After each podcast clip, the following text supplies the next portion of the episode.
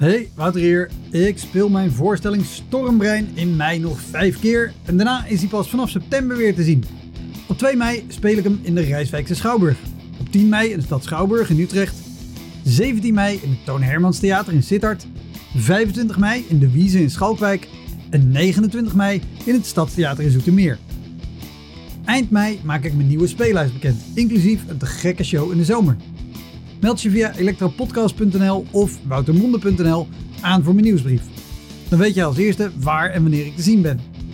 Sowieso is dat handig, want dan krijg je elke maand één mail met erin een overzicht van alle podcastgasten, de columns die ik die maand heb gedaan en alle shows die er in de maand erop gaan komen. Welkom, mijn naam is Wouter Monde. Dit is de Elektra Podcast. Een podcast waarin ik met collega's herinneringen ophaal aan shows die ze liever waren vergeten. Genoemd naar het roemruchte jongerencentrum Elektra in Sliedrecht, dat ooit bekend stond als de comedy hell.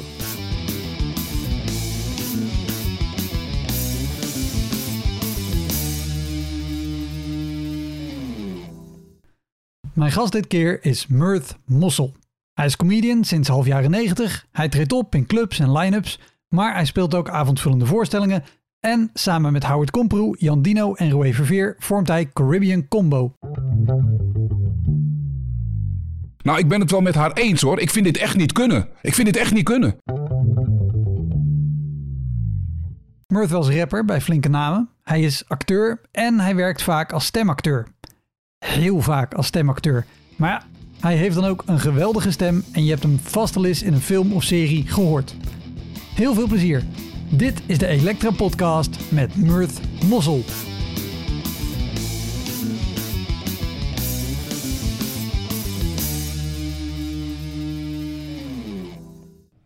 Top. Dan gaan we eraan beginnen. Nee, waar ik benieuwd naar was.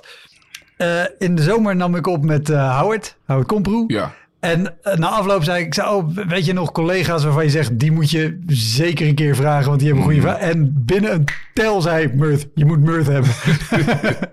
Heb je enig idee waarom die dat zo snel zou zeggen? Ik, ik denk, nou sowieso, eh, Howard kent mij het langst van alle comedians. Hij is ook eigenlijk, door hem ben ik begonnen met comedy. Hij, eh, ik weet niet, dat heeft, heeft, hij dat, heeft hij dat verteld toen? Ik heb, ik heb die niet geluisterd. dus Nee, nou, niet. hij, hij heeft verteld dat hij inderdaad eh, aan het party scene eh, kwam, zeg Ja. maar, met hiphopfeesten en En daar hebben wij elkaar toen leren Ja. kennen. Hij heeft op een gegeven moment, we hadden allebei wel een liefde voor stand-up. En we keken heel veel comedy samen. Ehm eh, Def Jam, videobanden en zo. Praten over comedy. Maar we deden niet aan comedy. Eh, hij was aan het acteren op dat moment. Ik was heel veel met muziek bezig. En hij besloot ineens om een eh, ruimte af te huren, een café eh, in de binnenstad van Amsterdam. En daar gewoon te gaan staan. En gewoon te gaan lullen. Dat is het allereerste wat hij ooit heeft gedaan qua stand-up. En ik, ik ben toen wezen kijken. En ja, als je het nu terug zou zien, zou je echt denken... hmm, maar er zat echt wel een kern in van... Oh, dit is iets. En ehm, kort daarna... Wat, eh, wat, wat, wat, Daar organiseerde hij zelf gewoon een show? Of Hij wat, heeft wat was de... letterlijk die ruimte afgehuurd. Het, ehm, het was een, eh, een, een café waar een, eh, een, een gemeenschappelijke vriend van ons een van de managers was. Hij heeft die ruimte gehuurd op een middag. Een einde van de middag. Mensen uitgenodigd. En daar stond vervolgens een mannetje of tachtig of zo. En die hebben, ik denk dat we een uur of zo naar hem hebben staan kijken en luisteren. En dat was, het, dat was gewoon, dat was het allereerste wat hij ooit heeft gedaan. En eh, het beviel hem wel. En, en kort daarna had hij dus gehoord van Comedy Train. Maar daar moest je dus auditie voor doen. Nou, de, de audities in die tijd, eh, het was niet een Toemler, want Toemler bestond toen nog niet. Nee. Dus de audities die waren op allemaal verschillende plekken, eh, vaak buiten de stad. Want dit is echt begin jaren negentig, hè? Dit is, dit is 95. Ja. Dit is 95. Ja. En ehm, eh, ja, eind 95, begin 96. En eh, hij wilde toen, hij wilde toen auditie doen. Ik was op dat moment de, de, de, de host van Baseline, een, een hip-hop en RB feest. Wat op dat moment plaatsvond in de Melkweg. Uh, kort daarna zijn we verhuisd naar Paradiso. En het is tot op de dag van vandaag in Paradiso. Ik ben al lang niet meer de host, maar uh, ik was de host van, van vanaf 1992 tot in de early 2000s. Um, en Howard wilde, Howard wilde zichzelf laten zien aan uh, de mensen van Comedy Train van dat moment. En uh, het idee was om hem dan gewoon een paar minuten op te laten treden op onze party aan het begin van de avond. Dus in, in een vol melkweg hebben we op een gegeven moment de muziek stilgelegd. Allemaal mensen die aan het dansen waren, zo muziek stilgelegd. Gewezen naar het podium en gezegd uh, wie hij is. En toen heeft hij, uh, toen heeft hij een set gedaan van een aantal minuten. En in de zaal stonden dus op dat moment uh, Raoul, Raoul Heertje en Erik van Sauers. Ja. En die hebben hem gezien en die hebben hem aan de hand van dat optreden aangenomen. Oh, want, dit, over dit optreden heeft Howard inderdaad wel verteld. Ja. We, weet jij nog hoe, dat, hoe, de, hoe, hoe zijn set ging? Uh, ik weet niet meer wat er in die set zat. Ik weet dat het, het was oké. Okay. Het was niet, ik, ik, bedoel, het was rauw. Het was allemaal heel rauw. En, maar maar de, ik, ik, ik denk dat je sowieso bij iedereen altijd wel in de kern ziet wat er is. Ja. Dus je ziet wel of iemand potentie heeft of niet. En hij had duidelijk, hij had echt wel duidelijk potentie. Um, maar aan de hand van het optreden is hij aangenomen. Kort daarna uh, vertelde hij me hoe het was om uh, die, die trainingsavonden te doen en zo. En toen zei hij tegen mij: Het lijkt me ook wel wat voor jou. Toen dacht ik: Oké. En toen ben ik een keer meegegaan naar zo'n trainingsdag, uh, trainingsavond. En die waren dan in, in het zuiden van het land, in Brabant, op twee plekken. Dus dan trad je op en dan reed, reed je met een auto naar de volgende plek. Trad je daar weer op. Dus twee verschillende. Eén was een klein theatertje, ander was een café. En dan uh, trad je dus twee keer op een avond op. Um, en ik ben naar zo'n avond meegegaan. En bij die eerste plek, to terwijl de show bezig was, dacht ik... Ah, dat kan ik ook wel. maar ik, weet je, ik ben op dat moment ben ik in mijn mid-twenties. En ik denk dat dat ook bij die leeftijd hoort, in die hele fase. Het, het is vaak dat je... Oh, oh ja, is ook leuk. Oh ja, uh, ja. ja. En ik deed allemaal verschillende dingen. Ik, ik presenteerde op radio. Ik was uh, MC van dat, uh, van dat feest. Ik rapte op dat moment. dus ik, ik, ik was gewoon met dingen bezig. Het was wel allemaal zijdelings aan elkaar verbonden. Maar ja, ik, ik was gewoon inderdaad in de, in de party scene, in de uitgaan scene. Ik was creatief. En comedy, ja, ja oké. Okay. er werd vaak over mij ook wel gezegd dat ik grappig was. Tijdens het presenteren ook. Als ik acts moest aan- en afkondigen. Uh, dan hield ik ook echt een praatje. En ook met het publiek. En dan heb je dus interactie. Mm. En, en, er gebeurt wat. Dus, dus je improviseert. En uh, ook als ik met mijn vrienden was. Als ik een verhaal vertelde. Weet je, als we aan het basketballen waren. Ik vertelde wat er die dag was gebeurd. Of het weekend daarvoor.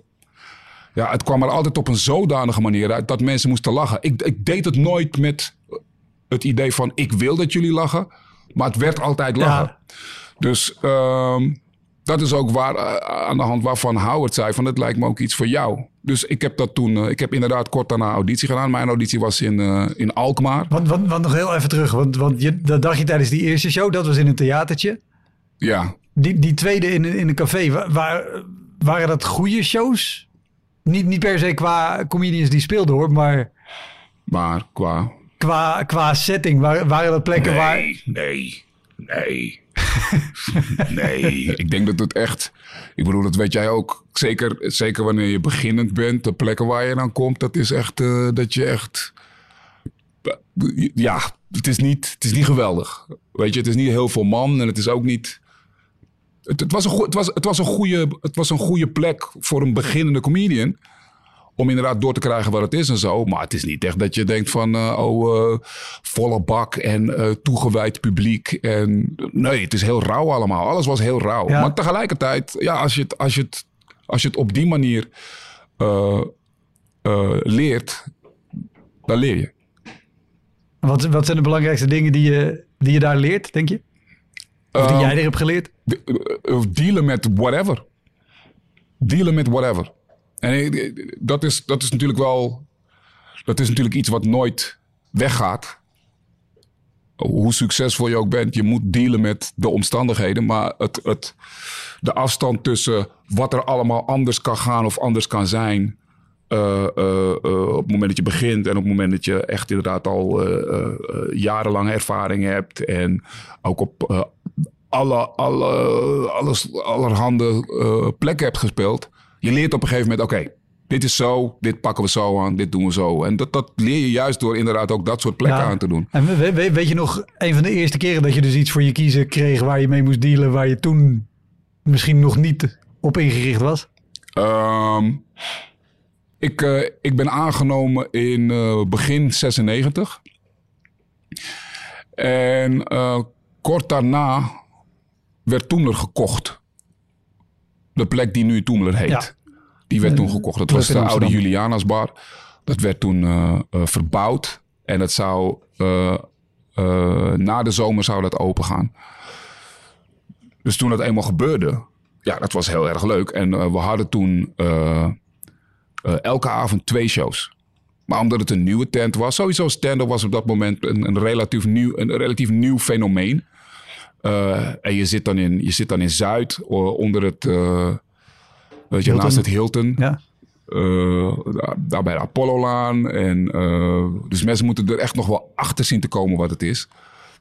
En dan heb je twee shows per avond. Nou, en er, pa- past 150 man in. Net iets meer dan 150. Maar wij, ja, die eerste, die eerste, die, die, die eerste tijd. Daar had je misschien, ehm, als je 20 man in de zaal had, mo- moest je happy zijn. En dan dus per show. Ja. Dus, ehm, eh, en dan is het ook nog eens een keertje zo, nou ja, dat, dat, het is twintig man, het gaat niet allemaal bij elkaar zitten. Dus het zit hier wat, daar wat. Het is ook nog eens een keer stand-up. Mensen zijn vaak bang, gaan ook nog eens een keer wat verder weg zitten. Dus je moet dan ook leren hoe te overbruggen en zo. En daarbij, ik, eh, ik was op dat moment een, eh, wat ik zei, weet je, mid-twenties. Eh, eh, echt zwaar in die party scene. En nou is het wel zo dat ik ben opgegroeid onder de omstandigheden van eh, allemaal verschillende culturen. dus wit, zwart, Asian, Turks, Marokkaan, alles, alles wel. Ook ook in mijn vriendenkring zie je dat terug. Maar het was wel anders om ineens te moeten dealen met publiek wat alleen maar wit was. Het was alleen maar wit. En alles, het publiek begon op mid 30 tot v- 55 zo. Dus de jongste mensen die binnenkwamen waren minimaal 10 jaar ouder dan ik. En iedereen was wit. En je voelde wel dat dat ook een barrière was op de een of andere manier. Dus ik heb dat ook echt moeten leren hoe daarmee om te gaan. Hoe er naar mij gekeken werd, hoe ik zelf reageerde op dingen. Uh, en wat er dus op een gegeven moment gebeurde een keer bij een show, uh, bij een eerste show, was dat het gewoon echt niet lekker ging. Mijn set ging gewoon echt totaal nergens naartoe. En dan voel je dat het, dat het gewoon doodvalt. Hè? Mm. Ik bedoel, we, we, noemen het niet voor niets doodgaan. En that's how it feels at that moment. Maar omdat er iets in je zit van ik wil niet opgeven, you keep on struggling. Wat het eigenlijk alleen nog maar erger maakt. en dan moet je dus toch loslaten. Je moet loslaten, je moet weglopen.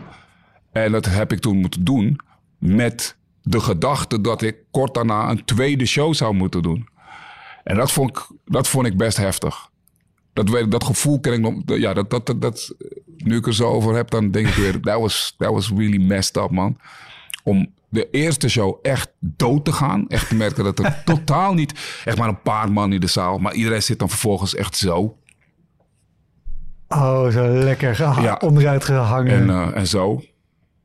En dan naar mensen te kijken van, oké, okay, dus dit is het niet. En eigenlijk in, gewoon puur in energie terug te krijgen.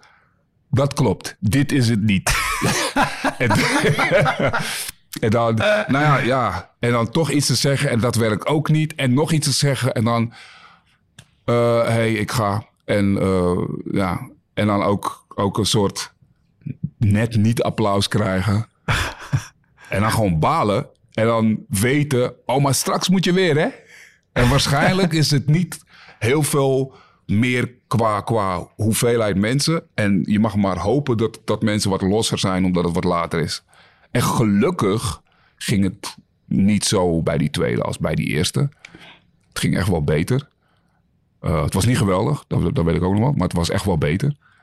Maar dat, dat, dat gevoel, het gevoel van één, het doodgaan. En twee, oh ja, maar ik moet hierna weer Ja, onder dezelfde omstandigheden. Dan, dan leer je wel. Je leert. Je moet wel, want je, je moet wel. ja. Dus eh, ja, dat, ik, denk dat dat, ik denk dat dat misschien wel mijn eerste learning experience was. ja. Maar mijn harde les. En, en dat, dat is ook nog gewoon op hoe je omgaat met dat je set gewoon niet lekker gaat. Hmm. Maar je hebt natuurlijk ook nog, en weet je, en dit, is, dit was in Toemler. Dus gewoon een comedyclub die erop ingericht is. Ja, Je hebt gewoon licht en geluid en mensen zitten. Het zijn niet veel mensen. ja, ja. Maar deden jullie toen ook nog shows door het land heen? Ja, ja, ja, de theatershows waren er op dat moment ook. De theatertour had je. En daar, daar heb ik toen ook aan meegedaan. Ja. En hadden jullie toen ook nog lo- losse, zeg meer de, de café-achtige dingen en dat Ja, soort... ook. De trainingen, de, de, de losse klussen, die waren er ook. Want dan kom je ook op de plekken waar gewoon rare shit af en toe. Ik ben- heb ooit gehad dat het rookalarm afging terwijl ik stond te spelen. Ik heb eigenlijk... Ik heb nooit echt rare optredens gehad in de cafés. Ik, Nee? Bijna altijd wel goed en leuk. Zelf nooit... Het, komt niets bij me op nu waarbij ik denk... Oh, dat was echt messed up. Eh, niet in de cafés. Ik, bepaalde klussen wel. Ik bedoel, we hebben een keer een, eh, eh, we hebben een, keer een klus gedaan in, in, in Groningen. Volgens mij was dat voor KPN. En dan moesten we basically om de hoek spelen. Maar hoe dan? Dat podium, dat het, als je, als je, je moet je voorstellen, als, als dit de ruimte is, Ja, als dit de ruimte is, dan eh, eh, hier is dus een, een, groot, een groot gedeelte wat gewoon open is en staattafels. En ja, dan is er hier een soort, de, ruimte is een, een, een, een rechthoek, ja. maar er zit hier een soort muur en daar is een inham en in die inham is er een verhoging. En de organisatie dacht dat het wel cool zou zijn als wij vanaf eh, die verhoging zouden spelen. Achter die muur. Achter die muur. En dan, als je een beetje je best deed, kon je een gedeelte, een gedeelte van de zaal zien. Maar dan zag je dus, van dit gedeelte zag je misschien deze strook van de ruimte. En mensen keken ons gewoon rustig aan van, ja, maar dan kunnen jullie hier staan, toch? Terwijl dat is iets van, this must be a joke. We hebben het ook niet gedaan uiteindelijk, hè. We, omdat het echt bellen met Comedy Train toen ook. Van ja, maar dit, eh, of, ik weet niet eens meer of het nou voor Comedy Train was of dat het via, via ons management ging toen. Dit was een ding ook met, ehm, ik weet even niet meer zeker of het nou Howard Andrew was. Howard, maar dit, dit was, dit was, dit was letterlijk niet te doen. Maar mensen hadden echt zoiets van, ja, maar jullie, jullie gaan dit toch doen? Jullie, jullie, doen toch, jullie kunnen de mensen gewoon aan het lachen maken? Ja, maar Oh, die, die misvatting komt sowieso zo vaak voorbij. En ik heb zelf ook talloze keren gehad. En ja, maar dit, dit kan toch? Ja, nee. Nee, dit kan dus niet. Volgens mij hebben we, we hebben volgens mij wel iets gedaan. Da, maar eh, eh, ah, het was niet te doen. Het was gewoon niet te doen. En kijk, dat, dat wel. Je- eh, Vaak genoeg wel dingen waarbij je denkt: ja, maar dit is niet te doen, hè? Jullie denken dit, maar dit is niet te doen. Ja. Dit zit in jullie hoofd dat het te doen is. Maar het is helemaal niet te doen. En Heb je, heb je ook, want deze hebben jullie niet of niet helemaal gedaan, zeg maar. Nee. Heb je ook klussen gedaan waarvan je achteraf dacht... dit hadden we eigenlijk helemaal niet moeten doen, joh. Dit sloeg nergens op. Ehm, ja. Ja, wat is een goeie? Ben sowieso blij dat er blijkbaar meerdere zijn. Ja, ja, maar de, de- weet je, eh, ook een keer een optreden waar dan heel veel kleine kinderen bij zijn. Oh. Maar echt kleine kinderen. En die dan vrij mogen rondlopen. Dus wat krijg je dan? Dan sta jij en dan rent er ineens een, een, een klein kind langs je. Of dan begint er hier een kind gewoon keihard te huilen. En dat je ook denkt, maar hoe, hoe is dat? En dat, op de een of andere manier is dat heel raar gecommuniceerd vanuit die organisatie naar hun publiek van, kan gewoon je kinderen meenemen. hè? Wat, wat voor show was dit?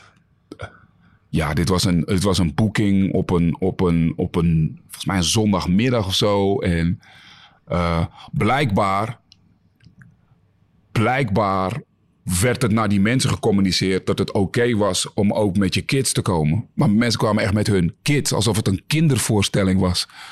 Dus echt een belachelijke hoeveelheid kleine kinderen. En dat je dan ook denkt, ja, maar nee. Wat, wie, wie heeft dit bedacht? En dan toch iets doen.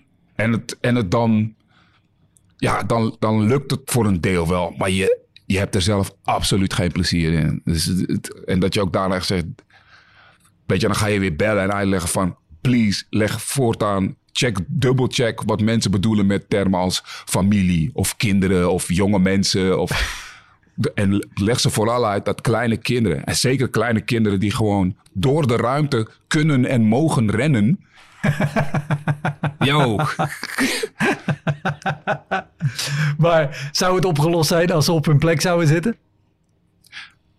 Het zou ietsje schelen, maar het, het hele idee al. Het was, het was belachelijk. Het was belachelijk. Het was belachelijk. Maar je bent tegelijkertijd ook al lang blij dat je, je hebt een boeking en het, uh, het levert wat op. So you do it. Ja. Want hoe, hoe vind je het om te spelen met kinderen in de zaal? Laat, laten we zeggen, als ze, als ze wel zitten. Maar het doet ook wat met je zaal in hoe ze reageren op je materiaal. Uh, ja, en ik, ik vind het op zich ik heb er zelf niet zo'n heel erg probleem mee. Kijk, de hoeveelheid vind ik wel bepalend. Als je, als je echt op een gegeven moment ziet dat het echt een tiental is of zo, dan, is, dan klopt er ook ergens iets niet. Maar ja, ja, je hebt het wel eens dat, dat je ziet dat er een kind in de zaal zit. Uh, heel af en toe in Toemler. Maar ook dat hebben we nu eigenlijk wel. We hebben een soort grens ingesteld. Na jaren. Want zeker in de beginjaren was het zo. Dan zat er ineens een uh, kind van tien of zo. Of acht zat erbij. En dan denk je, ja, het, ja, natuurlijk kan het. Maar moet je het willen. Ja. Uh,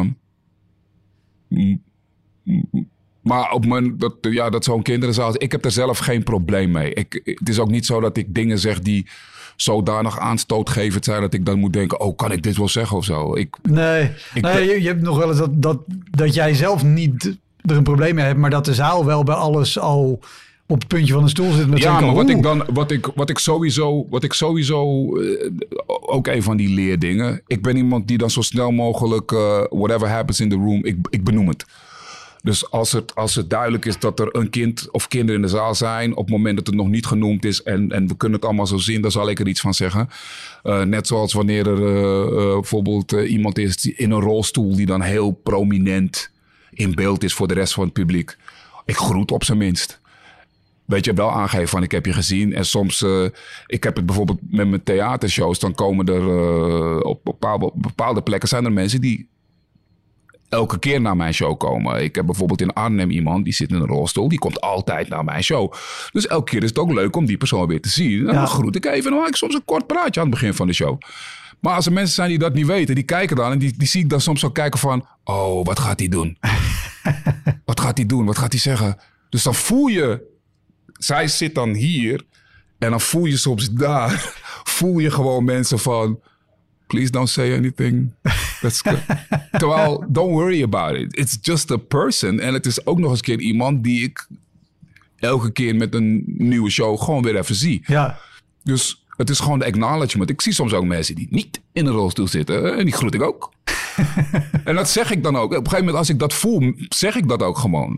En dan benoem ik dat. En um, uh, sterker ik heb het in Nijmegen, er was, er was een gast, uh, ook in een rolstoel en aan een beademingsapparaat. Met nog twee gasten ook in een rolstoel. Nou, en op het moment dat ik dat zie en er iets over zeg, dan voel je gewoon. Uh, oh, wat gaat hij doen? Maar ik, ja. vooral die gast in het beademings, aan het beademingsapparaat. Ehm, en hij, de, de, zaal was zodanig verlicht dat hij eigenlijk het meest in het donker zat. Ik, ik heb eigenlijk bij mijn shows altijd wel iets van zaallicht. Want ik wil niet dat mensen zich kunnen verschuilen in de duisternis, in de anonimiteit. Dus wel, ik heb dat liever niet. mijn, als je bij mij naar theater komt, is er ook in de zaal echt wel iets van licht. Ik wil je op zijn minst kunnen zien. Kunnen zien dat jij er bent en dat jij weet dat ik je kan zien. Dat verandert namelijk ook de hele dynamiek. Ik ben ook iemand die tijdens mijn shows mensen aanspreekt. En ik wil niet dat het een, een, een monoloog wordt waar jij gewoon naar kan kijken en je kan verschuilen. Ik wil dat mensen te alle tijden voelen: this could be a conversation. Ja. Moet open zijn. Ehm, maar ja, die, het was nog steeds donker genoeg. Het is licht genoeg om te zien wat er zit, maar donker genoeg om het nog Ja, zo te houden. ja precies. En ik zei iets over die. Ja, oké. eh. Ik zeg, ik, ik voel me. Weet je, als ik dit hier zou zien, ik voel me niet helemaal op mijn gemak. Dus ik, natuurlijk doe ik dat expres. Maar het is meer, weet je, sorry, maar ik ben gewoon een. Ik ben een Star Wars fan. En eh, het is heel raar om nu dat geluid te horen. Het is alsof je aan het optreden bent voor Darth Vader. Weet je? Zeg, elk moment dat je vanuit de duisternis zo, zo die lightsaber op kan zien komen wanneer de jokes niet goed zijn. Nou, en op dat moment hoor je iedereen lachen, maar ook die gast. Ja, ja, ja. Ja. En het moment dat dat zo is, we know it's okay. ja. En dan is dat klaar. Dan is dat klaar. En iedereen die er dan nog een probleem mee heeft, je hebt gemerkt dat het, weet je, we're all people at that, at that moment. Ja. Voor mij maakt het niet uit of je, weet je, je bent er. ja. That's all that counts. Dus dat zijn allemaal van die dingen die je leert. Ik, leer dat soort, ik heb juist gewoon geleerd om dat soort dingen zo snel mogelijk te benoemen. Omdat ik, ik, ik, ik wil ook niet dat... Mensen voelen zich al snel ongemakkelijk. Het is stand-up en het is, weet je, alles wat... Alles, alles wat inderdaad kinderen, gehandicapten, eh, weet je... mm. Maar Ja, mensen zijn gelijk bang dat het, Ja. dat het misgaat. ja, Nou ken ik jou niet als, als hele eh, offensive comedian, zeg maar. Maar heb je het wel eens gehad met interactie dat je wel gewoon de, de, de plank echt mis hebt geslagen? Ja. Ja. Ja, ja, ja. En ik denk dat dat... Misschien is dat mijn meest... Misschien is dat mijn, mijn, mijn meest heftige leermoment geweest. Eh het gebeurde in Toemler. Eh, een weekendshow. Ehm, een vrijdagavond. En ik heb op een gegeven moment echt... eh, tijdens mijn set, tijdens een interactie... Ik sprak met een, een, een dame... Ehm, ik denk dat ze, ik denk dat ze zo in de, in de 40 was. Mid 40, zo, zo leek ze in ieder geval. Maar ze was absoluut niet, gedie, eh, niet gediend van mij. Totaal niet. En ik, eh, ik vroeg haar iets. Ik zei iets. Nou, daar reageerde ze heel raar op. Ik dacht, nou, ik zeg daar weer iets op. En in het begin was dat leuk. Maar toen werd ze echt pissig. Dus toen werd ze heel lelijk. En dat, de zaal was ook wel, oh. En toen ging ik daar eigenlijk tegenin. Maar ik werd toen, het werd toen een over en weer. En dat werd op een gegeven moment zo lelijk. En toen zei, ze, iets- toen zei ze echt iets waar ik boos om werd. Ik weet even niet meer precies wat het was. Maar ik werd echt boos. Ja. Het, dit, ik, het, het, het had ineens niets meer te maken met comedy. Ik werd echt boos. En ik ben toen echt tekeer gegaan tegen haar. Dus ik stond daar gewoon kwaad te zijn. En als je dan ineens in een volle zaal... En dan heb ik het niet over coronavol, 30 man. Maar gewoon over 150 man. inderdaad die Ja. 150, bijna 160 man. En het is tot op dat punt echt wel een, een leuke show. Maar het slaat om naar iets wat gewoon alleen maar lelijk is. En er staat een guy gewoon echt te schreeuwen door een mic. Je hebt al een mic, dus je hebt eigenlijk al meer macht. Je Ja. staat op een podium. Dus je staat ook op, weet je, het- het podium is hoger. En als je dan ook nog eens een keer ja, echt tekeer gaat, ja, dat is, ja, ik had het gewoon verloren. Ik had het echt verloren. Het, het kwam ook niet meer goed. En ik was, toen was ik echt op, nee, niet? Nee? Oké, dan niet toch? Maar echt. En ook echt pissed off, maar echt ziedend het podium afgelopen. Oh, wauw. Ja, echt. Echt, echt, echt kwaad. En dat dat ook echt, dat de MC terug moest komen en echt, ja, dit, ja, eh, ja, dit is natuurlijk ook echt absoluut niet de bedoeling. En, en checken en dat er iemand bij die vrouw kwam checken en te- ondertussen MC praten en gaandeweg toch maar een grapje maken. En eh, eh, ik weet even niet meer zeker of er toen wel of niet een korte pauze is ingelast. Maar kort daarna is de show weer opgepakt en ging het weer verder. Maar dit was, dit was heftig. Dit was, ik, was toen al, ik was toen al een paar jaar bezig. Maar dit was in, in mijn, ik noem het even, mijn, ehm, mijn nog niet helemaal eh mirth-fase. ik denk dat je... Wat bedoel je daarmee? Nou, elke, elke comedian. Ik had, weet je, we- de, de, de, de, de binnen ons, ons vak bekende term eh, finding your voice. Ik had mijn voice nog niet gevonden. Weet je, wie je echt bent. Wie je, wie je echt kunt zijn on stage. Ehm, ik was daar nog mee bezig. En ik denk dat sowieso tussen, tussen 96 en 2002, wat ik toen deed. Ik, ik kon mezelf best wel redden op een podium. En ik kon mensen echt wel aan het lachen maken. Maar de, de, de, de materie, weet je waar ik mee aan de gang ging. En de manier waarop ik sprak eh, en mezelf liet zien. Hoeveel ik van mezelf liet zien. Dat was eigenlijk minimaal. Als ik nu naar die gast zou kijken dat, dat is een andere gast. It's not, it, it's me, but it's not, het is niet de Ja, me, me. nee, precies. Daar was ik nog helemaal niet. En ik liet me dus nog te veel leiden door, door dingen buiten mij. En ik kon snel eh, schieten in, ja, maar wat is dit? Of, eh, ik was best wel zo ook. Ehm,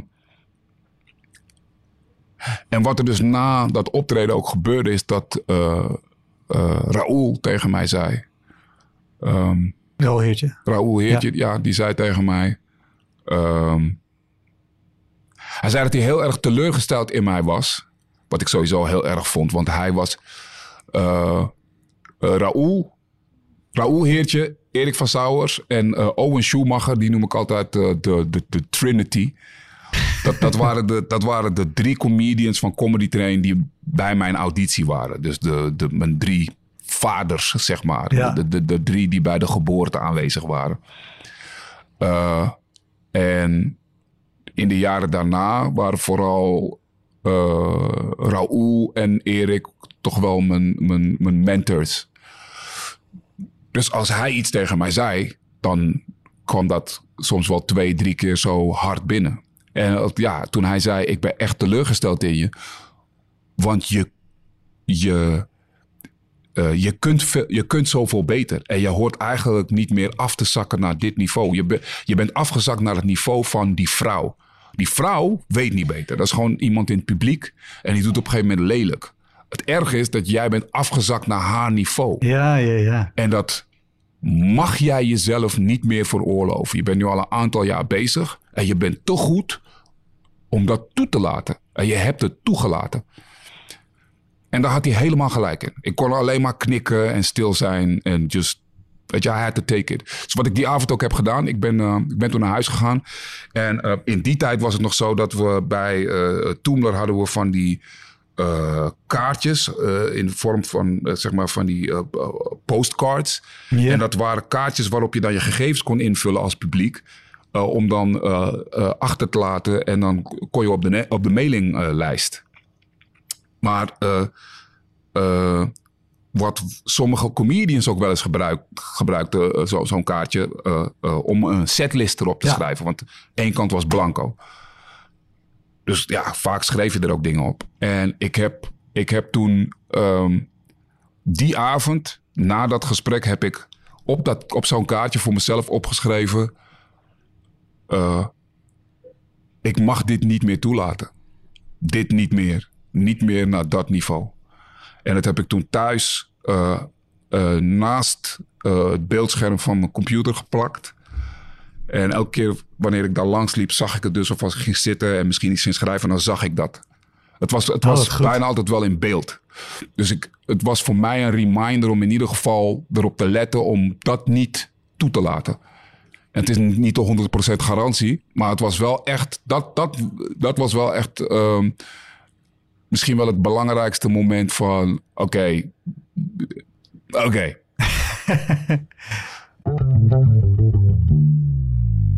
Hey, Wouter hier. Ik speel mijn voorstelling Stormbrein in mei nog vijf keer. En daarna is hij pas vanaf september weer te zien. Op 2 mei speel ik hem in de Rijswijkse Schouwburg. Op 10 mei in de stad Schouwburg in Utrecht. 17 mei in het Toon Hermans Theater in Sittard. 25 mei in de Wiese in Schalkwijk en 29 mei in het Stadstheater in Zoetermeer. Eind mei maak ik mijn nieuwe speellijst bekend, inclusief een te gekke show in de zomer. Meld je via elektropodcast.nl of woutermonde.nl aan voor mijn nieuwsbrief. Dan weet je als eerste waar en wanneer ik te zien ben. Sowieso is dat handig, want dan krijg je elke maand één mail met erin een overzicht van alle podcastgasten, de columns die ik die maand heb gedaan en alle shows die er in de maand erop gaan komen. Dus uh, en, en, is het later wel gebeurd dat er, dat er iemand misschien op een vergelijkbare manier ja. ja, aan het triggeren was, maar dat je, dat je het wel kon handelen? Uh, ja. Ja, ik heb het. Uh, ik heb het door de jaren heen, uh, zeker in die periode, nog wel een paar keer meegemaakt. Ehm, en, en is er iets, eentje die, daar, die daar uitsprong, dat iemand iets deed of iets zei waarvan je nog steeds denkt: oh, dat, dat kan echt niet? Mm. Nou, uh, we hadden een keer een optreden met, met Freshwagon. Uh, en dat was, uh, dat was Howard Komperoen, Jeep Mahali, ik, Jan-Jaap van der Wal, Roué Verveer. Ja. met een DJ. En dan deden we uh, late night shows in de kleine komedie. Dus vrijdagavond na elfen. Dan was het dus al een reguliere voorstelling geweest. En dan werd het leeggehaald. En dan kwamen wij binnen. En dan werd alles opgesteld voor ons. En dan deden we een show. Dat hebben we een aantal jaar daar gedaan. Ja. Maar bij een van die shows... Uh, uh, deed ik een optreden. En er was iemand in de zaal die riep iets. Die was me gewoon echt bewust aan het hekkelen. En in Nederland heb je dat eigenlijk amper. Nee. Maar één was ik van, hè, wat, wat de fuck? En twee, die gast ging maar door. En op een gegeven moment vond ik het gewoon vervelend. Dus ik riep iets terug. En toen riep hij weer iets. En blijkbaar had ik dat niet goed verstaan of zo. Dus ik reageerde op wat ik dacht te horen. Dat, het was iets heel anders. Maar het werd gewoon... Het werd naar. En toen heb ik voortijdig heb ik gewoon besloten om weg te gaan. Ik dacht, ik wil niet die kant op gaan. Dus het was wel de reminder van... Maar mijn set ging gewoon niet lekker. En daar baalde ik gewoon van. Achteraf bleek het uh, iemand te zijn die ik ken. Dat was uh, uh, Mimoun, Mimoun Ouledradi. acteur, Ja, die, ja. die acteur uit uh, Shoef Shoef. En jaren later zei hij tegen mij dat hij dat dus was. en ik dacht, you motherfucker. en toen vertelde hij me dus ook wat hij dus wel had gezegd. En achteraf hebben we er allebei keihard om kunnen lachen. Maar op het moment zelf I was pissed as hell. weet je nog wat hij, wat hij riep? Nee, ik weet, dat zeg ik. ik weet, dat is het bij mij ook. Dat soort shit. Ik weet nog wel wat er is gebeurd, maar ik, ik, ik hou me niet vast aan dat soort... In ieder geval, op, op, zeker in die tijd, ik hield me niet vast aan, aan, aan de details. Ja. En dat... Omdat ik op, op een gegeven moment... Ja, het, het, het, het, biedt, het, biedt niets. Um, maar je, je, het voelt toch, weet je, het voelt als opgeven. En het kwam misschien over naar het publiek als opgeven. Maar ik dacht, ik ga niet, ik, want dit ga ik niet winnen. I'm always gonna lose. Ja, als, als, je, als je er verder in gaat ja. en, en, je, en je laat je wel triggeren ja. om te ver te gaan. Ja, en ik, ik ben wat dat betreft... Um, en zeker in die tijd, ik denk dat ik toch wel een, een wat gevoeliger comedian was wat, wat dat betreft. En dus sneller al ging in, oh, wat? Hm? Huh? En it's, it's no use. It's no use. En daar kom je later achter, maar it's no use. En heb, je, heb je ook wel eens gehad, want je bent ook gewoon een grote, imposante gast. Ja, dat vinden mensen. En, nee, maar dat, dat, dat, dat is hoe je overkomt. En ik denk dat, ik denk dat dat... Ik heb, een, ik heb een imposante stem, dat weet ik. En ik, ik, ik ben minder imposant in real life. Hè, ja. Nee, dat, dat, dat, snap ik, maar dat is wel hoe je overkomt. Zeker als jij op een podium staat, op een verhoging, in het licht ja, en mensen zitten. Ja, dus maar dan... ik, ik, ik, ik denk dat dat het ook is. En dat is iets waar ik, waar ik me echt wel bewust over was. Omdat ja, in real life is dat gewoon een ding. Ik bedoel, ik zit al een tijd in dit lichaam. En uh, hoe je het ook went of keert. Uh, vanaf het moment dat je. Uh, weet je, ik was leuk tot een jaar of acht. En vanaf dat moment is leuk weg. En is het steeds meer dat je ermee wordt geconfronteerd van. Oh, you're black. Oh, you're a black kid. You're a black guy. You're a black dude. Oh, you're a black man. En dat je inderdaad ziet dat mensen geïntimideerd zijn, bang zijn. En dat. It happens. It's just part of life. Het is een onderdeel van de maatschappij. En het is deels ook een barrière waar, waar ik mee heb te dealen bij optredens. Mm. Um, maar uh, er is een punt waarop je het je er bewust van moet zijn, maar ook moet dealen hoe je ermee omgaat. Of hoe je ermee om kunt gaan. En ik denk dat zeker in die periode waar ik het tot nu toe over heb gehad, dat ik, dat ik daar bijna scheid aan had.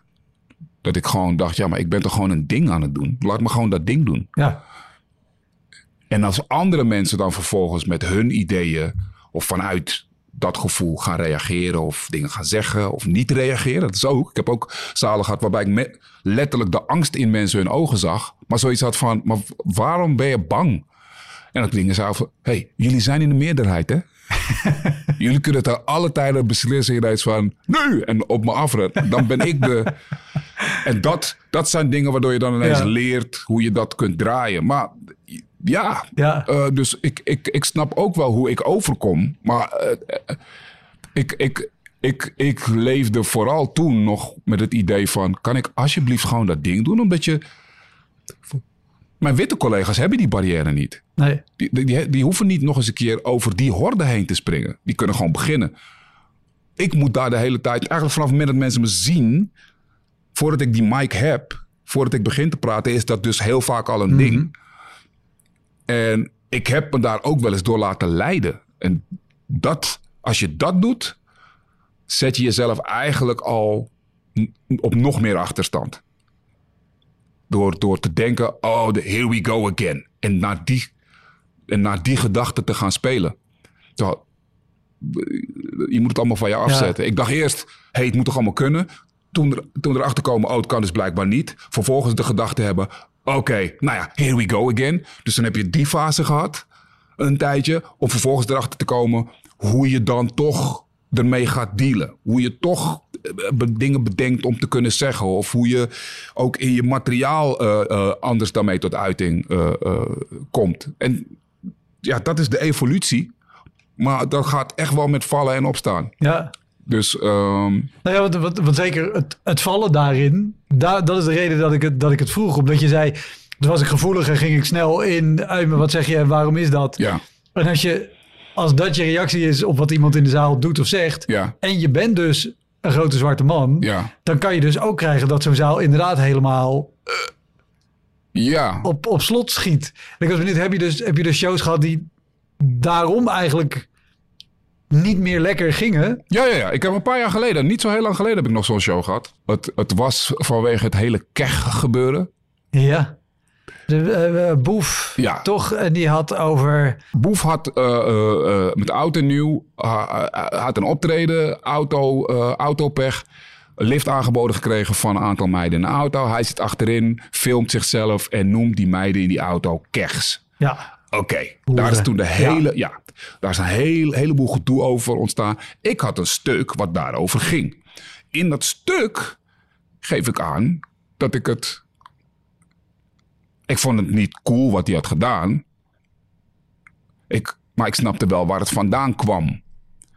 Ik, dus ik zei ook van, ik, ik, ik, ik sta er niet achter dat hij het doet. Maar ik begrijp waar het vandaan komt. En ik begrijp het milieu waarin hij verkeert, waarin hij rondgaat. Het is gewoon een andere wereld. ja. Hij wordt vervolgens beoordeeld en veroordeeld door mensen die helemaal niets met die wereld te maken hebben. En die eigenlijk alleen maar eroverheen vallen. Oh, kijk, daar gaat weer zo'n eh, daar gaat weer zo'n Marokkaan, zo'n moslim. Nou, hij is een Algerijn. Dat is één. ja. En hij is opgevoed als een christen. Dat is twee. Maar mensen zochten alleen maar een excuus om iets te kunnen zeggen over Marokkanen en moslims. En het maar te kunnen veroordelen hoe die mensen over onze, onze eh, vrouwen praten.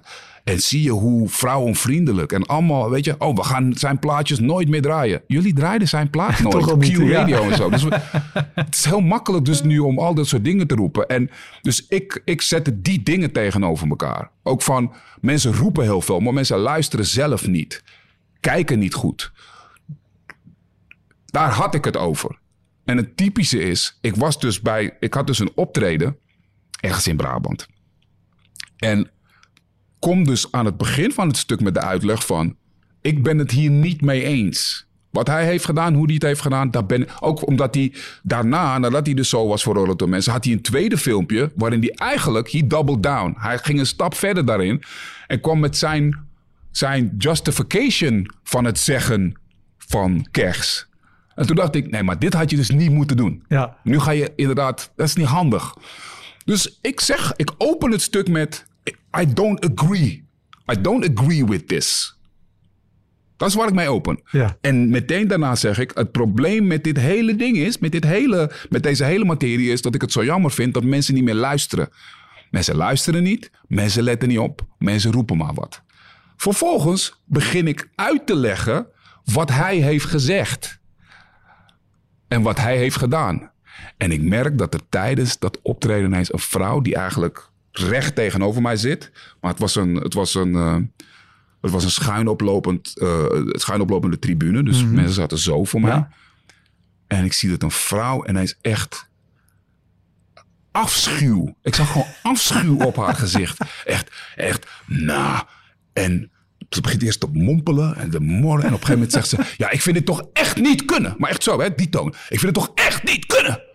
Zeg, ik zeg, sorry. Ja, ik vind het echt niet kunnen. Ik vind het echt ongelooflijk vrouwenvriendelijk. En dat, dat dit allemaal maar gezegd wordt, dat je dit zo zegt.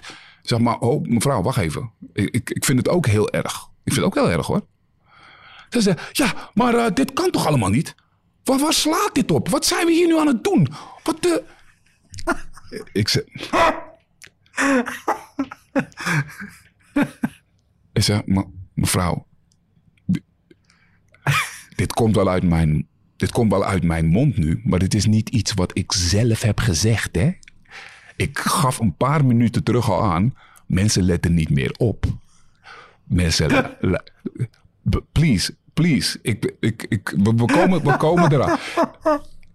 Begint een man die schuin voor haar zit, die met zijn vrouw zit, begint. Nou, ik ben het wel met haar eens hoor. Ik vind dit echt niet kunnen. Ik vind dit echt niet kunnen. Dus ik, ik zeg, sorry?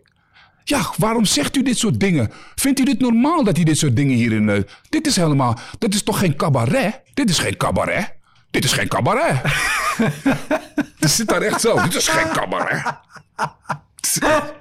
Dus ik denk, are we really doing this? dit is gebeurd in mijn hoofd. En ik...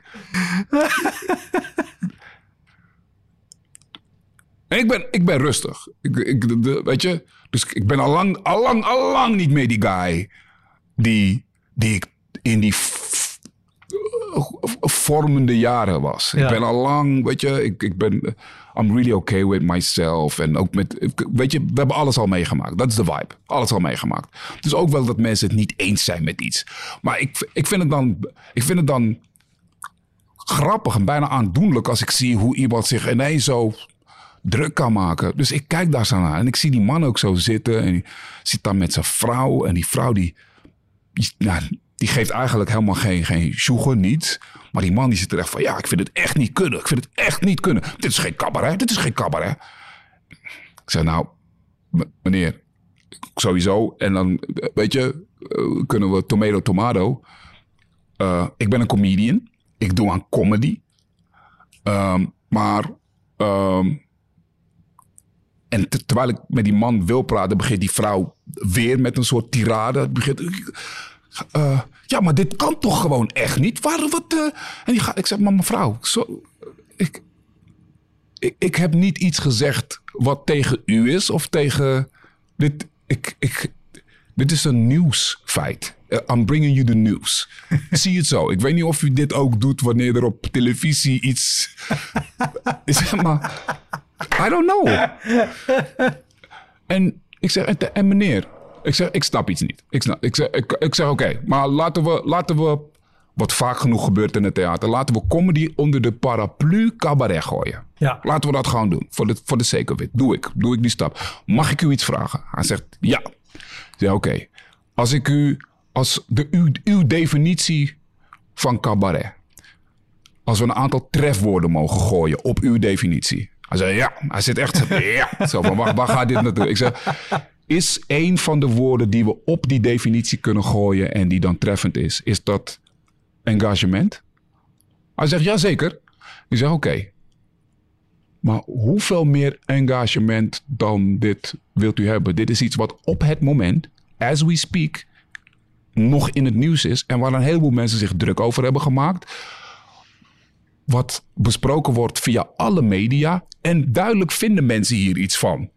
Ja. Duidelijk. dus. En op dat moment zie ik hem. Ja, maar ik vind toch. Ja, ik zeg oké, maar. En toen begon die vrouw weer. Maar ondertussen is er een andere groep. die heeft zoiets van: hey, kunnen we nu gewoon verder? Er is een guy die zegt: kunnen we nu gewoon verder? Want dit slaat echt nergens op, hè? Ik wil gewoon horen hoe dit verder gaat. Laat die man nou gewoon zijn verhaal afmaken. Want tot nu toe zit ik me te vermaken. Die zegt dit echt zo.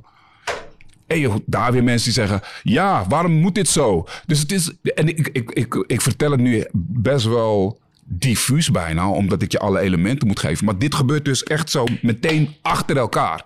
Oh, dus het Jezus. gaat, van, het gaat echt van, ja, waar slaat dit op? Dit kan toch helemaal niet? Naar, eh, ja, ik vind dit echt niet kunnen. Dit is geen cabaret, dit is geen cabaret, dit is geen cabaret. Eh, meneer, ma- ik, maar kan ik u... Ja, maar dit is toch, dit slaat helemaal nergens op. Ik zeg, mevrouw, maar serieus, ik breng alleen het nieuws. Ik, doet u dit... Ja, ja, maar dit kan echt niet. Ik zeg, oké, maar wacht even, wacht even. Wat is er? En ik hoor hier al die andere gasten. Doe even normaal, man. Ik zeg, wat is uw definitie van? Nou, dan zegt hij dit en hier dat zo. En vervolgens die gasten. Ja, maar doe even normaal, man. Laat hem gewoon zijn verhaal maken. Laat hem gewoon zijn verhaal maken. Hij is tot nu toe gewoon goed bezig, man. Ja, maar ik vind het echt niet kunnen. Eh, het is super vrouwvriendelijk. Maar het, hij heeft dit niet gezegd. Dus ik doe, op, ik doe op een gegeven moment dit. Ik doe op een gegeven moment dit. Ik zeg, wacht even, want nu ontstaat er iets. dus ik zeg, wacht even, wacht even. Volgens mij, volgens mij is het podium nu ineens daar. Ik zeg, laten we, laten we eerst even met z'n allen één stap achteruit zetten. Met z'n allen. Ik zeg, dit doet duidelijk iets met een aantal mensen in deze ruimte. Ik denk, wat, zoals het nu bij mij overkomt, mag ik het hier niet over hebben. Blijkbaar mag dit niet uit mijn mond komen. Dan, dan stop ik nu ook. Want als, als een ander voor mij gaat bepalen wat wel en niet uit mijn mond mag komen, dan zijn we volgens mij een heel raar ding aan het doen hier. Ja. Dat is één. Twee is, ik ga nu sowieso niet meer verder, want de sfeer is nu zodanig verpest. We hebben nu echt kampen met voor- en tegenstanders. Mensen die het onderling in de zaal niet met elkaar eens zijn. En daar is energie en frictie. Het gaat niet meer leuk worden. Want alles, alles, alles wat ik vanaf nu ga zeggen, daar wordt zout opgelegd. En dat wordt, dat wordt allemaal onder een microscoop gelegd, de hele tijd. Dus dat gaan we ook niet doen. Dat ga ik mezelf niet aandoen, ga ik jullie niet aandoen. Dus wat ik nu ga doen, ik ben de laatste van de avond. Ik vind het jammer dat het zo is gelopen. Maar dan zijn we gewoon. Ik zou eigenlijk nog, ja, ik denk nog zo'n 10 minuten doorgaan. Maar dan zijn we 10 minuten eerder klaar. Dan heb je 10 minuten meer de tijd om nog te genieten van een biertje. Of dan ben je 10 minuten eerder thuis. Maar je hebt nu 10 minuten voor jezelf die je helemaal kan inrichten. Zoals jij dat wil en zoals jij dat, of u dat belieft. Dan dank ik iedereen. Mensen die nog willen weten hoe dit verhaal afloopt. Ik ben binnenkort hier nog in de buurt met mijn volledige show. Waar dit eh, in principe eh, eh, in voorkomt. Anders kun je naar Toemler komen in Amsterdam. Waar ik geregeld speel en het er ook nog over heb. Eh, dan hoop ik jullie nog een keer te zien. En iedereen voor de rest van de avond. dank jullie wel. Dank aan mijn collega's. Ik ga er vandoor. Ik ga naar huis. 10 minuten eerder. En ik loop weg. En in de coulissen staat het eh, personeel van het theater zo. En die zeggen, eh, onze excuses. En we, we, we wisten even niet wat we moesten doen, maar we schamen ons heel erg. En eh, ja, eh ik zeg, hey, jullie hoeven je excuses niet te maken. Nee, I'm, I'm like, kon er niks aan doen. it happens, man. It happens. Ik, ik, ja, ik vind het alleen jammer dat de avond zo moet eindigen. Maar ik, ja, ik moet ook aan mezelf denken. En ook aan het publiek. Ook aan de mensen die er wel zin in hebben. Dus dan neem ik een beslissing die het beste is voor dat moment. En dat was het. Dus, de, dus de, je, it just, ik, ik weet ondertussen wel dat zeker met de manier waarop ik het over bepaalde dingen kan hebben. En vaak ook de, de dingen waar ik het over heb. Dat dat iets oproept bij sommige mensen. Ik, ik ben een comedian die altijd al. Of laat ik het zo, eigenlijk vanaf het moment dat ik mijn eerste show in het theater had. ehm, ben ik wel iemand die het altijd heeft ook over dingen die er in de maatschappij gebeuren. En zeker ook dingen die gaan over eh, eh, racial stuff. Dus eh, de verhoudingen zwart-wit en zo. Dingen die te maken hebben met wat ik heb meegemaakt. Of dingen die er in, in het nieuws voorkomen. Ehm, dingen waar we met z'n allen mee te maken hebben. Dus het is niet zo dat ik... En het is niet een Het is, het is nooit de, de, de judgment puur aan zich. Ik, ik, ik stip dingen aan waar we allemaal mee moeten dealen. Maar ik heb ook gezien door de jaren heen, ik ben eigenlijk de enige uh, zwarte comedian in dit land die dat from the get-go doet. Louis heeft, heeft op een gegeven moment uh, later, toen hij helemaal bezig was, ook wel bepaalde dingen aangestipt. Uh, maar die is, die is dat, die is dat, ja, die is, die is dat gaandeweg gaan doen. En, en dus dan kwam het er ook, ook verhoudingsgewijs minder in voor. En Roué komt sowieso een stuk milder over. Roué, zijn, zijn beeld is meer de... Is de family man. Ja, een hele blije, positieve gast. Ja, ja, ja. ja. Uh, ik denk dat ik... Uh, ik breng iets zwaardere kost. Denk ik, over het algemeen. Uh, maar, en er wordt genoeg gelachen. Het punt is alleen, je merkt heel duidelijk dat er... Uh, toch vaak ook wel... Een, een ander soort verwachting is, was aangaande mij, omdat er een soort algemeen beeld was ontstaan over de meeste zwarte comedians die er hier zijn, die er toen waren. Uh, ik voldoe daar niet aan. En in welke zin? Um, als in wat, wat, wat, Wees gewoon leuk. Wees niet, wees, niet, wees niet kritisch. Wees gewoon leuk. Ja. Wees, wees leuk. Eh, je, waarom zou jij maatschappij kritisch zijn? Als, kijk. Uh, Denk je ook dat, dat, dat, dat de houding is van mensen omdat ze het ook ongemakkelijk of, of lastig vinden? Ja, maar ook omdat, kijk, het is nog steeds zo dat, wat, hoe je het ook wendt of keert, er zijn genoeg plekken in dit land waar de algemene sfeer is uh, wij en zij. Ja. En op het moment dat je dan daar komt en je begint te praten over dingen die eigenlijk over iedereen gaan, dat ze toch zo kijken van, maar wie ben jij om daar iets over te zeggen? Kijk, ik ben hier geboren. Ik ben niet geboren, ik ben hier opgegroeid. Dus ik weet niet beter. Voor mij is dit net zo goed mijn land als dat dat voor ieder ander is. Maar er zijn een heleboel, heleboel mensen die naar mij kijken en iets exotisch zien. En daardoor dus per definitie denken, hij is van buiten. Ja. Dus alles wat ik zeg, is, is dan meteen wie is hij? Dus zeker als het gaat over, als ik het dan heb over uh, uh, Sinterklaas. Ja, maar wie ben jij om iets te zeggen over onze traditie? Het is ook mijn traditie. Het is ook mijn traditie. Ja. Het, het, is een onderdeel van wat er gebeurt binnen mijn cultuur. Want cultuur is wat we met z'n allen afspreken op een bepaalde plek. Dus het is een. En ik ben ermee opgegroeid. Dus het is een onderdeel van mijn traditie. Ja. Dus ik mag daar ook iets over te zeggen hebben. Maar als het, als het startpunt is onze traditie versus die van jou niet, dan ben ik per definitie dus al af. Maar ik zie het zelf niet zo. Dus ik praat wel gewoon vanuit. En dat is dan al dat mensen al denken: wat de hel is hier aan de hand? Ik had het in mijn. Uh, ik had het in een show van mij. Uh, uh, oh, gunstige ligging ten opzichte van de wereld. Dat was een titel van een show van mij. Ik had die. Ik had die ik, ik had die titel omdat ik op dat moment in de fase was van het kopen van een huis. En het viel me op dat heel vaak in, in die, in die beschrijvingen van de makelaar. Ja, gunstige, ligging ten opzichte van. En ik, dat was steeds ten opzichte van iets. Maar ik dacht, als je het echt goed wil spelen, dan doe je gunstige ligging ten opzichte van de wereld. Dat zit je altijd goed. Ja. Dus dat was, een, dat was de titel van mijn show. Maar ik vertelde dus het proces waar ik op dat moment in zat. En um, uh, de, de huizenjacht en het, het, het, het uh, weet je, de hypotheek rondkrijgen. En ik sprak dus. Ik had het dus wel eens, dan was ik ergens in het land, in de wat kleinere plaatsen en zo. En dan vertelde ik van ja, het is toch typisch om te zien hoe, hoe wij als Nederlanders, weet je, met hypotheken en zo. En dan, dit, dit, zo open ik mijn show. En dan zie ik mensen echt zo, zei die nou, wij Nederlanders? En elke keer oh, echt mensen die elkaar zo aankeken van, zei die nou, wij Nederlanders? En dan later komen we op een punt dat ik iets doe wat wel zodanig algemeen is dat we er met z'n allen over kunnen lachen. Maar dan zijn we al tien minuten verder, hè? Zijn we al tien minuten in mijn show. En pas op het moment dat het echt over iets gaat wat letterlijk voor iedereen in de wereld geldt, ontstaat er een soort lach van. Ah. Maar daarvoor was het echt van: wie denkt deze gast wel niet dat hij is?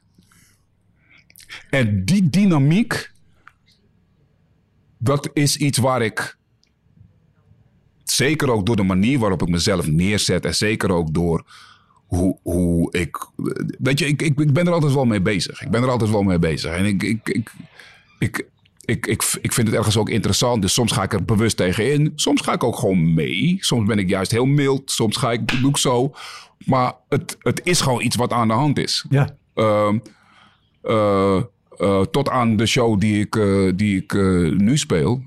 Eh, daar zit ook een stuk in waarin ik eigenlijk ook dat wederom op een andere manier benoem.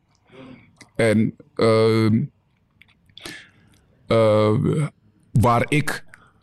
Ik heb, ik, heb een, ik heb een keer een ding gehad, een, eh, een, een grap die heel erg leek op een grap van Theo, Theo. En het onderwerp was hetzelfde. We kwamen uit op iets anders, maar in de structuur kwam het wel overeen. Ja.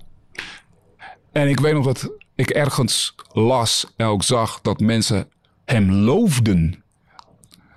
Van, oh, wat goed en wat maatschappij kritisch. En bijna elke keer wanneer ik dat stuk deed, kreeg ik echt... Hij is vervelend. Wie is hij om daar iets over te zeggen? Maar dat is dus gewoon omdat... Blijkbaar mag ik dat niet zeggen. Als je als, als witte man iets over de Nederlandse maatschappij zegt op die manier, dan ben je maatschappij kritisch, engagement, cool. Weet je, en het, natuurlijk ook, het, het, het heeft ook te maken met de mate van fame. Hè. Theo is wel Theo, dus er wordt al, het wordt al snel gezegd, oh, maar dat is Theo. Ja. Maar er werd naar mij gekeken van, waarom kan hij niet gewoon leuk doen? Waarom kan hij niet gewoon leuk houden? Want je, ja, je verpest toch de sfeer. Want eh, eh, waarom moet jij hier iets over zeggen? Dat is het bijna. Terwijl, ja, eh, because it's also about me. Ja. Ja, ik, ik, ik vind het heel lastig om, om het te verplaatsen in de mensen die vinden dat je het niet zou moeten, Ja, maar dat, niet zou mogen. dus dat leidt dan heel, dat leidt dan snel tot even een ongemakkelijker sfeer. En, en dat kan er weer leiden tot, hoe ga je daar verder mee om? Ja. Ehm, dus ik heb, ik, heb, ik heb ook optredens gehad waarbij... eh, ik heb een keer een, een stuk gedaan wat ging over, de, over die, die grote hoeveelheid vluchtelingen... die er toen uit Syrië kwam. En ik zeg daar dus over ook dat ik het raar vind hoe, hoe, er, hoe er hierop werd gereageerd. Ehm, en de- de- net in die fase was er ook dat er eh, in het oosten van het land... dat er bij zo'n asielzoekerscentrum... dat er dan varkenskoppen waren geplaatst. Ja. En ik, ik, heb daar, ik, ik zeg daar een ding over. Wederom, ik ben weer in het land en er zit een man, er zit een wat oudere man met zijn vrouw. En ik, ik doe dit in mijn show op, eh, laten we zeggen, we zijn al een half uur bezig of zo. En ik heb al van alles besproken. Ding, een paar dingen die nieuws gebeuren, een paar dingen over mezelf. Een ding wat, een, een ding wat gaat over tieten. Ik heb een stuk van bijna nou, 7, 8 minuten tieten. En een verhaal waarbij ik de, de vriendin van een kennis van mij ontmoet. En echt de zo. En dat, hoe dat liep. En hoe mannen dan vervolgens reageren. Hoe ik reageer. Het is een funny piece. Mensen Ja. lachen keihard. Cool. Daarna heb ik nog iets. En dan ga ik vervolgens naar het vluchtelingending. Dus dat is echt wel een ander soort. Het is steviger kost. I get it. Maar er zitten nog steeds genoeg dingen in die om te lachen zijn. En een paar mensen lachen ook. Maar deze man, die wordt gewoon kwaad. Ik zie hem zitten en op een gegeven moment... Hij zit zo en op een gegeven moment zegt hij... En nou is het genoeg. Nou is het genoeg. Ik zeg, sorry? Ja, waarom eh, moet jij het hierover hebben? Zegt hij. Ik zeg, ik, ik begrijp u even niet. Ik vind nou wel genoeg. Waarom moet, eh, waarom moet, jij het over, eh, waarom moet jij het over die mensen hebben? Waarom moet het hierover gaan? Wat is dit? Vind jij dat leuk? Vind jij dat grappig? Ik, ik zeg, man... Ik, ik snap even niet waarom u zo... U bent echt getergd. Ja. Waarom bent u boos? Ja, waarom moet het hierover gaan? Ik vind het helemaal geen. eh, ik vind het een belachelijk onderwerp. En eh, dat komt maar allemaal hier naartoe. En eh, die moslims. En waarom moet dat? En dat vind jij dan, dat vind jij dan maar normaal. Dan moet dat, jij, jij vindt dat leuk. En dat moet dan ten koste gaan van ons. Jij vindt dat dat leuk is om daar zo. Ik zeg, meneer. ehm, ik zeg sowieso. Ik denk dat. Ik zeg, ik heb. De, de, de mensen waar ik het nu over heb. Dat zijn mensen die niet hier zijn omdat het zo relaxed is om hier naartoe te komen. Dat zei ik net ook. Ik zeg, die zijn hier gekomen omdat ehm, hun leven in gevaar was. Als, als, u, als je leven in gevaar is, dan kies je er sowieso voor om te vluchten. En dan ga je kijken wat de opties zijn. En als je dan ook nog eens een keertje ziet dat er een optie tussen zit die best wel een goede optie is, dan ga je voor die goede optie. Wij zijn een goede optie. Dat kun je die mensen niet kwalijk nemen. Dat is één. Twee, ehm, die mensen komen uit Syrië. Een heleboel van die mensen die zijn lastiggevallen zijn christenen. Want wij denken vaak aan dat gedeelte van, van de wereld, aan moslims. En, maar Syrië is de bakermat van het christendom. Hè? En al die plekken die zijn gebombardeerd en platgebrand, dat zijn plekken waar christenen wonen. Kerken zijn afgebrand. Dat is, dat is ook vervolgens wat ik net zou gaan vertellen. Maar als. Is, ik, kijk, niet alles is misschien even leuk in eerste instantie qua, qua topic. Maar één, waarom zou ik het er niet over mogen hebben? Plus twee, wat ik niet zeg. U, u, u vindt hier echt iets van, toch? Dat, dat, ik, ik vind het sowieso mooi. U bent, u bent, u, bent best fel. En hij zegt, ja, ja, ja, hoezo? Hij zegt, nou, ik vind dat, ik vind dat wel, ik vind dat, ik vind dat wel iets. Ik vind dat wel iets.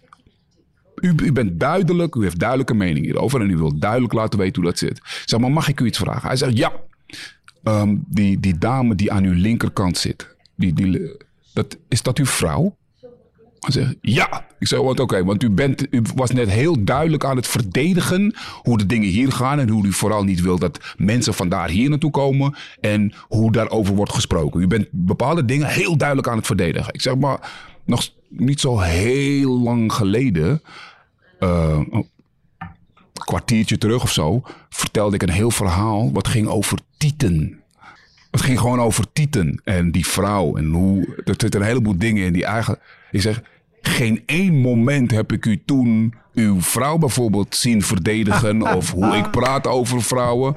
Maar nu het we het hierover hebben, dan gaat u ineens op de barricade. Oh, dus hoe zit dat? Nou, toen was hij klaar. Toen begon het publiek te applaudisseren. Toen zei ik, kunnen we nu alsjeblieft verder gaan? En later, en ik doe mijn show en het gaat verder. En daarna komen mensen uit die omgeving komen naar mij toe. En die zeggen, ja, uh, vaker wanneer er iemand komt optreden... is hij wel iemand die er iets van vindt of iets van te zeggen heeft. Uh, uh, en bijna altijd als het iemand is die niet white is denk ik, ja, dat, dat merkte ik ook al. Maar hoe ga je er vervolgens mee om? En, maar it doesn't justify it. But it happened. Maar je het, het, het irritante is, je bent, dan, je bent dan helemaal niet meer bezig met de show. Dus je bent van alles aan het doen om het binnen de show te houden. Je bent van alles aan het doen om het leuk te houden. Om het toch aangenaam te houden om weer verder te kunnen gaan. Om het weer op te pakken. Dus waar, waarbij je eigenlijk wil zeggen, hey, you know what? Just fuck off. Precies. Of shut the fuck up. Zoek ik alleen maar, oké, in mijn hoofd ben ik echt aan het, oké, deze gast vindt dit belangrijk. Waarom vond hij... Dus het gebeurt allemaal terwijl ik aan het praten ben. Terwijl ik probeer te, te, te, ontcijferen wat hier aan de hand is, ben ik hier achterin gewoon even de tapes aan het terugdraaien van oké, ik heb gezien dat hij daar heeft gelachen. Hij heeft daar, daar heeft hij keihard gelachen. Oké, let's use it. Let's bring it back and go. Dus je, leert dat te doen, maar dat is niet wat je wil doen. Nee. Dat is niet wat je wil doen. Daarom ga je niet op een podium staan. Precies. Dus je bent ineens aan het jong leren. Terwijl, daar, daar kom ik helemaal niet voor. Ik kom gewoon om dat ding te doen. En daarna lukt het gelukkig wel. Maar ja, je merkt ook, je, je, bent, je, bent je, je, je bent gewoon even momentum kwijt. En je moet, je, weet je, want het is toch echt weer dat, uh, dat moment aan de dinner table dat het even mis is gegaan. En iedereen zo, en dan moet je toch weer. Nou, uh, er is nog kip. Wil er nog iemand kip? Eh, of zal, zal, ik nog wat te drinken inschenken? Dus daarna, ja, en ook al, er is wel even een applausje, maar daarna is het oké. maar, nou ja, en dan doe ik iets. Dus... En dan doe ik iets wat niets met de show te maken heeft, maar wat wel heel grappig is. En dan daarna I just kind of ease back into it. Maar ik ben dan dus bij elkaar bijna tien minuten verder. Vijf minuten met die man en dan vier, vijf minuten om het weer goed te krijgen. Dus je denkt, I, don't, I didn't need this. Nobody needed it. Waar, waar haal jij de, de rust vandaan? Of, of is dat... Weet je, als je beschrijft het begin van je carrière... dat je, dat je wel daar verder op inging of meer mm. door geraakt werd... En dan heb je gewoon regelmatig dit soort dingen. Of dus dat je weer geconfronteerd wordt met hoe mensen tegen jou aankijken. En hoe mhm. ze niet tegen mij aan zouden kijken als ik mhm. in dezelfde line-up sta. Hoe Want als ik, jou- als ik jou nu zie op een podium, je bent extreem relaxed op een podium. Omdat ik extreem relaxed ben met mezelf. Ik ben extreem relaxed ook met. ehm, ik blijf erin geloven dat je het over alles moet kunnen hebben als je er oprecht in bent. Ik heb, ik heb deze afspraak met mezelf gemaakt. Als alles wat ik zeg, daarvan, ik moet mezelf achteraf in de spiegel aan kunnen kijken en ik moet mijn moeder aan kunnen kijken. Als ik één van die twee niet kan, mag ik het niet erover hebben on stage. Dat is, een, dat is een regel die ik voor mezelf heb. Ik moet mijn moeder aan kunnen kijken. Ik moet mezelf aan kunnen kijken in de spiegel. Als dat niet gaat, dan is het niet sincere, niet oprecht. Moet ik het gewoon niet doen. En dat is, dat is, de, dat is, dat is stelregel 1 voor mezelf. En daarbij, ehm, gewoon door de jaren heen, door te, inderdaad te leren met van alles en nog wat. Door inderdaad al dat soort rare momenten te hebben. Je slaat het toch op. Soms de details, soms niet. Maar je slaat in ieder geval op, oké, het is gebeurd. Wat had ik anders kunnen doen? Wat kan ik volgende keer doen Ja. als er een soortgelijk ding ontstaat? Dus je hebt een file met al die opties en al die dingen. En dat zorgt er ook voor dat je op een gegeven moment denkt, whatever man. En eh, weet je, het ouder worden ook. Eh, ik heb, eh, weet je, ik doe dit nu echt al een. We zitten in 2020, einde 2020. Dus ik, ik ben begonnen in 96. De, de, de stap naar spelen zoals ik nu speel, heb ik eigenlijk gemaakt in 2003 zo, denk ik. 2004 mijn eerste dingen echt in het theater. Dat he- daar heb ik ook heel veel van geleerd. En ehm, ik, ik ben ook relaxter gaan spelen doordat ik ben gaan zitten tijdens shows. Het zorgt voor een andere dynamiek en een andere energie. En voor mezelf, maar ook voor het publiek. Ik, ik doe dat nu al een jaar of zeven, denk ik. In mijn, theater, mijn mijn laatste paar theatershows is het dat ik heel veel zit. En ik ben eigenlijk steeds meer, steeds meer minuten per show ben ik gaan zitten. En eh, ik vind het relaxed. Ik vind Ja. het zelf heel relaxed. En het zorgt er ook voor dat mensen ook zelf meer dit hebben. Eh, dus af en toe sta ik wel op. Of als ik iets moet uitbeelden. Of als ik even gewoon... Weet je, gewoon puur om even te wisselen daarin. Maar het grootste gedeelte van een optreden van mij zit ik. Ook als ik, als ik een set speel in een comedyclub. Of zo. Ik vraag altijd, is er een kruk? En dan, ik ben die guy die dan... Ja, dan speel ik 20 minuten of zo. Basically zit ik 20 minuten. Maar it works for me. ja. It works for me. En, ehm, en ja, het is gewoon een combinatie van al die dingen. De, de, de, de, de ervaring, de, de, de levenswijsheid, eh, de, de kruk. En, en ook inderdaad steeds meer de, de, de- de- in het materiaal zoiets hebben van... Oké, we gaan het er zo over hebben. Dit is hoe we het gaan benoemen. En soms zal het niet leuk zijn, but we'll get there. Ik ben ook altijd heel geduldig in wat ik doe. Ik, ik, ik ben niet een comedian die... Ik ben, kijk, het woord grap... eh, Het is eigenlijk meer omdat ik het doe... omdat we dan met z'n allen meteen begrijpen wat ik, waar ik het over heb. Maar ik ben niet een joke-joke guy. Ik, je hoort bij mij niet... Ik ben, de, de meeste comedians die... die en niet dat het erg is, maar het is gewoon het verschil... De meeste comedians hebben gewoon het, eh, het setup premise eh, principe. En die kun je bijna op afstand kun je horen waar de grap komt. Ja. Hè, die,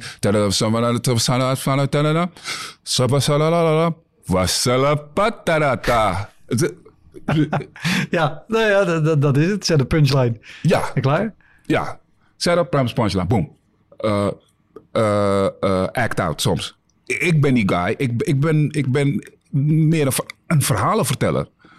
Dus bij mij komen de, de, de lachmomenten, de eventuele punches, die komen, die komen er ineens. Die zijn er ineens. Die, die kun je niet, je, je hoort ze vaak niet waar ze zitten. Maar als ze er zijn, dan zijn ze er. Ja.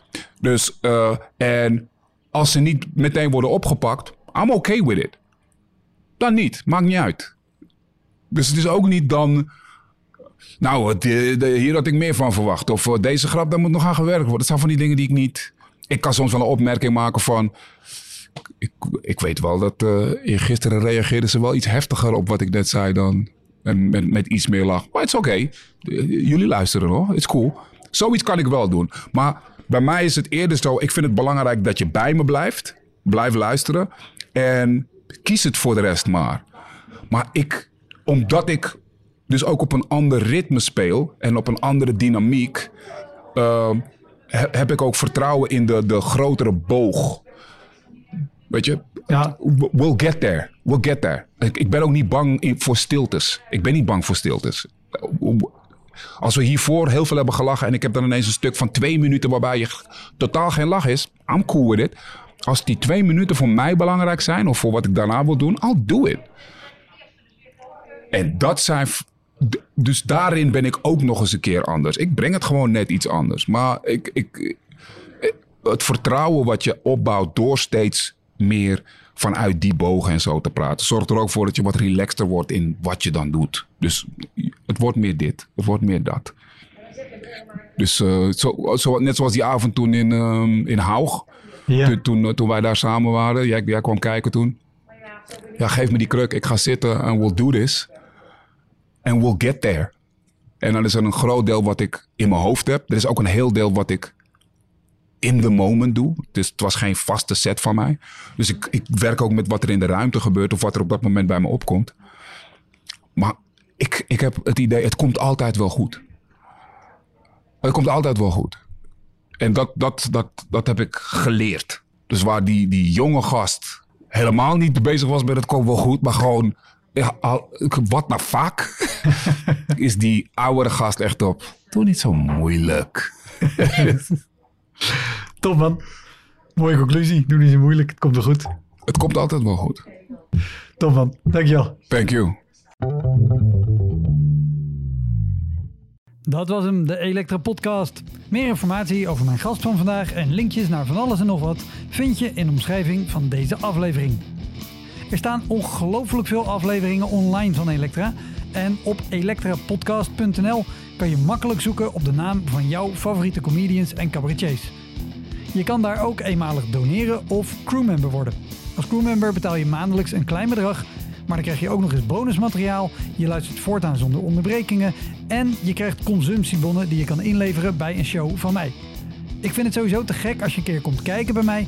Dus ga naar woutermonde.nl, daar zie je precies waar en wanneer ik optreed. Of meld je aan voor de nieuwsbrief, dan hou ik je op die manier op de hoogte. En dan nog iets, elke vrijdagmorgen doe ik een column op radiostation Kink. Je kan die column terugluisteren als podcast. Hij heet Kink op de Week en je vindt hem in de app waar je ook deze podcast luistert. Oké, tot de volgende Elektra. Hoi!